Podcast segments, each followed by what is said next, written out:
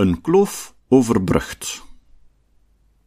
Een belangrijke stap voor het eerst behandeld in aantekeningenboekje C zette hij door het verzamelen van informatie over kunstmatige selectie.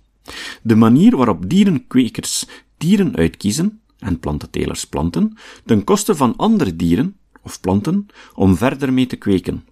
Ik wees eerder op Darwins uitgebreide correspondentennetwerk. Het opstarten van een briefwisseling met kwekers van konijnen, kippen, duiven, bijen, honden enzovoort, evenals met plantentelers, was een unieke vondst van hem.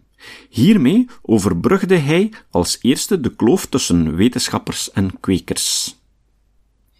Wetenschappers beschouwden het als beneden hun stand en onwetenschappelijk om informatie te vragen aan mensen die organismen om niet-wetenschappelijke redenen kweekten.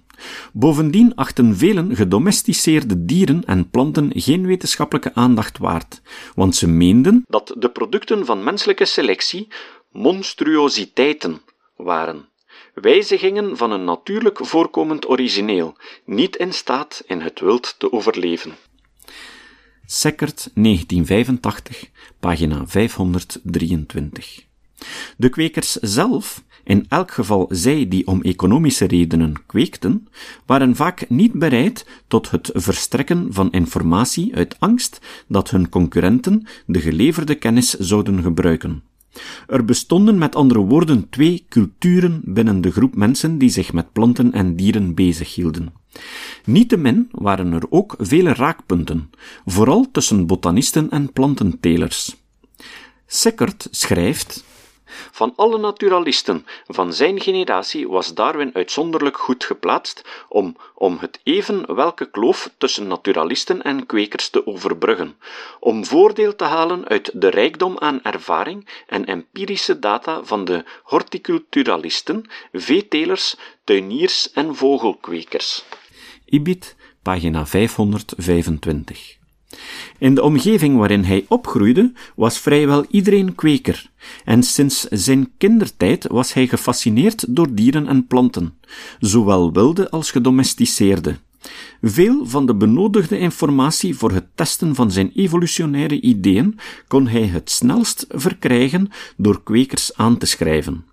Ondanks zijn sporadische klachten over het twijfelachtige van de betrouwbaarheid van bepaalde informatie, maakte hij toch zijn hele leven gebruik van de kennis van kwekers.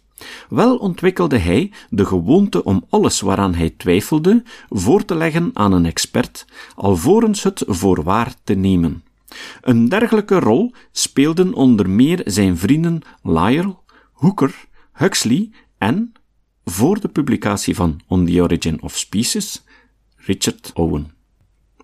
Zodra Darwin met de publicatie van Journal of Researches Geology of the Beagle and Zoology of the Beagle enige bekendheid verwierf als wetenschapper, bleken de kwekers sneller geneigd om zijn vragen te beantwoorden.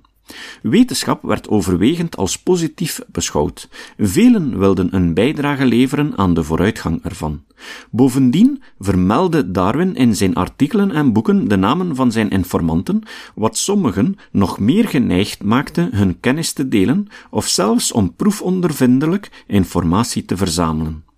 Zijn oorspronkelijke interesse voor domesticatie, dus voor activiteiten van kwekers, werd gewekt door de vragen die hij zich stelde omtrent voortplanting, variatie en erfelijkheid. Dit leidde in 1868 tot de publicatie van The Variation of Animals and Plants Under Domestication. Zie ook noot 19. Dit boek was echter niet het voornaamste resultaat van zijn kennis van domesticatie. Wat hij van kwekers en door zijn lectuur over domesticatie leerde, was onontbeerlijk om, eens het principe van natuurlijke selectie ontdekt, de analogie tussen kunstmatige en natuurlijke selectie uit te werken. Niet toevallig behandelt het eerste hoofdstuk van Over het ontstaan der soorten de thematiek van variatie onder domesticatie.